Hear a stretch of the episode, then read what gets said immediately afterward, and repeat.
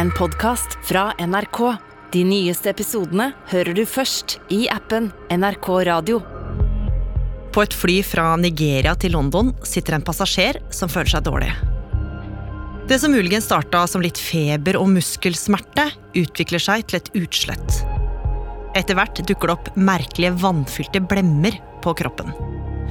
Like etter ankomst på britisk jord går alarmen over hele Europa. Folkhälsomyndigheten meddeler meddelar idag att man har konstaterat ett fall av den mycket ovanliga sjukdomen apkoppor i Sverige. On dit euh, variole du singe, on dit, vous verrez peut-être aussi monkeypox. En person har fått påvist apekopper i Norge. Det opplyser Folkehelseinstituttet. Tilfellet har kobling til det pågående utbruddet i Europa. Du hører på Oppdatert. Tidlig i mai har passasjeren som følte seg dårlig på flyet, nettopp fått bekrefta den smittsomme sykdommen apekopper. Dermed gikk alarmen internasjonalt, og nådde også kontoret til Folkehelseinstituttet i Oslo. Da var jeg på jobb, begynte å merke den litt sånn eh, hektiske stemningen. Eh, Merket at det var noe som var i gjære. Og vi visste jo da at det hadde vært noen tilfeller av apekopper, så da skjønte vi at eh, det var starten på et, starten på et utbrudd som vi ikke visste hvordan det ville gå med. Helena Niemi Eide er lege ved FHI. Hun ble satt i ekspertgruppa som fikk i oppgave å følge nøye med på hvordan dette viruset spredte seg i Europa. Og selv om Helena er ekspert på sykdommer som smitter fra dyr til mennesker, var ikke apekopper en sykdom hun kjente spesielt godt til. Jeg visste jo ikke så mye. Eh, Vi hadde jo hørt om enkelttilfeller som hadde vært ute og reist eh, i årene før, eh, men da hadde utbruddet stort sett bare vært den ene personen som har vært ute og reist, eventuelt noen i familien rundt som hadde blitt smitta, så hadde det gått over. Så det ble en eh, bratt læringskurve neste dagene. For viruset Helena skulle jobbe med framover, var et virus vi ikke hadde sett i Europa på lang tid. Første gang det ble oppdaga, var i 1959, pussig nok av noen dansker. Det var i eh, København, på Statens seruminstitutt, som er det tilsvarende det danske folkehelseinstituttet. Der hadde de en del forsøksaper eh, som de hadde fått importert. Og så så man at eh, apene fikk, eh, fikk sånne knopper på eh, pelsen. Det var jo veldig rart. Eh, Og så undersøkte forskerne det nærmere. Og så var de de første som faktisk klarte å identifisere det nye apekoppeviruset, da. Og det som er eh, litt interessant, er jo at eh, apene er jo litt sånn som menneskene. Det er eh, de som blir smitta av viruset, men det er ikke nødvendigvis de som har opphav til viruset. For selv om det fikk navnet apekopper, så viste det seg at viruset det stamma ikke fra aper, men fra gnagere. Uansett så virka det som at det var et virus som smitta mellom dyr, og ikke noe vi mennesker trengte å bekymre oss for. Men så, litt over ti år seinere, på 70-tallet, skulle det skje noe som gjorde forskerne mer nervøse. Ja, I 1970 eh, så var det en um, liten gutt som kom med et sånn typisk kopputslett i Zaire. Det er det landet som i dag heter Den demokratiske republikken Kongo. Og det som var rart, var jo at eh, kopper var jo egentlig utryddet fra mm, Zaire. Det hadde vært det i to år. Så derfor undersøkte de ekstra nøye denne gutten. De tok eh, prøver fra mm, utslettene, eh, og når de fikk eh, svaret, så viste det seg at det var apekopper. Og det var det første tilfellet av apekopper som er diagnostisert hos mennesker. Og den neste tida så dukka det opp flere barn som ikke følte seg friske. De fikk feber, og etter hvert dukka det også opp blemmer, som ofte starta i ansiktet. Felles for mange av dem var at de hadde vært i kontakt med dyr eller spist visse typer kjøtt. Det så ganske dramatisk ut, spesielt på små kropper som barn har. da, Så kan man bli dekket av disse koppene. Det var jo ikke så mange tilfeller, men for de som ble rammet, eh, så var det en alvorlig sykdom. eh, Ved at man fikk eh, disse, mm, disse store utslettene, og en del fikk arr i de. Altså man kunne få betennelse i de, og dermed arrdannelse. Så det ble ikke, det ble ikke fint selv om man ble frisk. Og noen døde også. I åra som fulgte, så fortsatte forskerne å oppdage mer av hvordan dette viruset fungerte. De fant ut at det også kunne smitte mellom mennesker, spesielt ved direkte kontakt med utslettet, men også gjennom dråpesmitte, selv om det var mer sjeldent.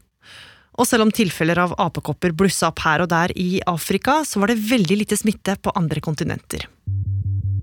Men i mai i år skulle det endre seg. Denne uken er apekopper blitt påvist flere steder i Nord-Amerika og i Europa. Virus, on dit euh, variole du singe, on dit, vous verrez peut-être aussi monkeypox. Europa Portugal, España o Reino Unido. Det ble oppdaga blemmer i Spania, Portugal, Frankrike og Tyskland. Currently, we have um, uh, nearly 200 cases that have been reported all over the world. Uh, Og Verdens helseorganisasjon gikk i krisemøte etter krisemøte. Med apekopper så er det vanlig at en får feber, en får gjerne hovne lymfeknuter, og etter hvert så utvikler en et eh, utslett. I Norge kunne vi se urovekkende bilder av byller og sår på TV-skjermer og i alle nettavisene. Som så tørker inn og blir til sår på huden, litt som med vannkopper. I utbruddsgruppa til FHI, der Helena jobba, så tikka det stadig inn rapporter og mer informasjon om viruset. Vi fikk jo mange meldinger fra ulike land eh, om hvem som hadde blitt smittet, og hvordan de kunne ha blitt smittet. Og det viste seg at de fleste som var smitta, var unge menn, eh, og spesielt eh, menn som har sex med menn. Og vi fikk også informasjon om at det hadde vært festivaler, f.eks. på Gran Canaria og i Belgia, hvor man tenkte at smitte eh, lett har spredd seg. Altså, det var flere som mente de var smittet etter å ha vært der. Eh, og det var spesielt eh, blant personer som har hatt eh, sex med flere partnere. Og foreløpig hadde Helena og kollegaene bare fått rapporter fra andre land. Men så, noen dager etter 17. mai, kom viruset ekstra tett på. I går ble det kjent at en person som oppholdt seg i Oslo mellom 6. og 10. mai, har fått påvist apekopper etter at personen forlot Norge. Når den meldingen kom, eh, så mm, er det alltid litt sånn Ok, hva gjør vi nå? Men heldigvis så var vi ganske drilla i det her, eh, takket være pandemien. Så vi har hatt en del lignende situasjoner i det siste. For nå starta jobben med å finne ut av hvem denne personen hadde vært i kontakt med. Nærkontaktene ble ringt opp av helsevesenet, og de fikk beskjed om å følge ekstra godt med på om de fikk noen symptomer. Men ganske snart så ble det klart viruset hadde ikke spredd seg. Men så skulle Helena og kollegaene få mer å bryne seg på. For bare noen dager seinere kom det meldinger om nok et smittetilfelle, og denne gangen fra en som ikke bare hadde vært på besøk. En person har fått påvist apekopper i Norge. Det opplyser Folkehelseinstituttet. Tilfellet har kobling til det pågående utbruddet i Europa. Personen hadde vært ute og reist og blitt dårlig ved ankomst til Norge. Og da det ble oppdaga et tilfelle i Bergen i begynnelsen av juni, var også det en person som hadde vært på utenlandsreise. Med flere hundre tilfeller av en helt ny sykdom i Europa kom også kritikken. Flere reagerte på at media bare brukte illustrasjonsbilder av folk med mørk hud med blemmer. Across the internet, if you search for monkeypox, most articles have images like this black patients with rashes in their bodies.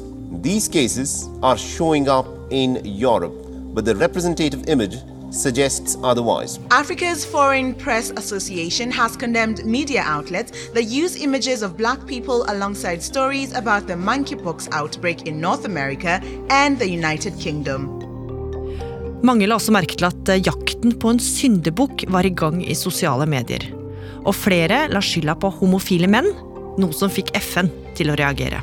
This is not a gay disease, as some people in social media have, have attempted to, to label it. Monkeypox can spread through sexual contact, but most of the reports only talk about the LGBTQ community using stigmatizing language.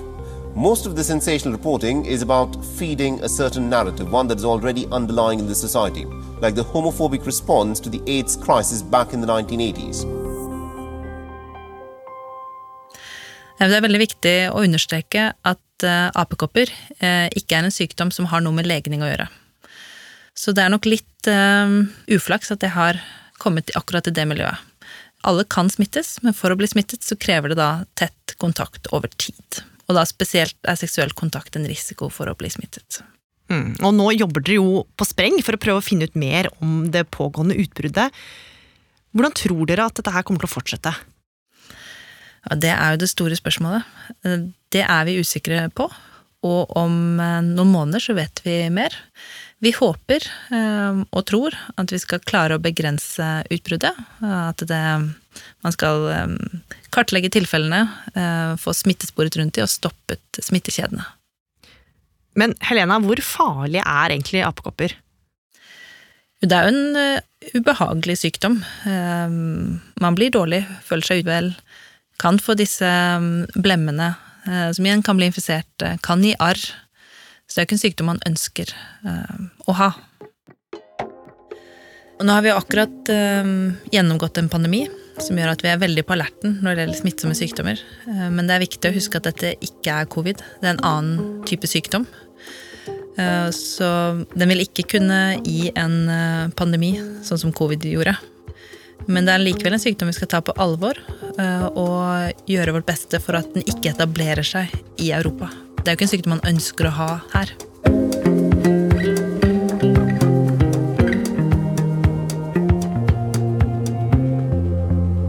Du har hørt på Oppdatert, en podkast fra NRK Nyheter. Og denne episoden er laga av Martin Holvik. Pål Gauslo Sivertsen. Andreas Berge.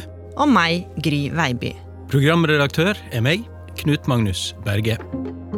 Lydklippene vi har brukt i denne episoden, er fra svensk TV4, LCI, Deutsche Welle, Reuters, Vion, Tuna Shaken News, CTV og NRK. Har du tips eller innspill, så send oss gjerne en e-post på oppdatert krøllalfa nrk.no. Og liker du det du hører, så må du gjerne tipse en venn om oss. En podkast fra NRK. Det var som et eller annet åpnet seg i meg. Hender det at du har behov for å roe litt ned? Som om du har vandret i mørket hele livet og så ser lyset. God natt gir deg fortellinger du kan hvile hodet i. Og jeg husker alt fra dette øyeblikket. God natt hører du først i appen NRK Radio.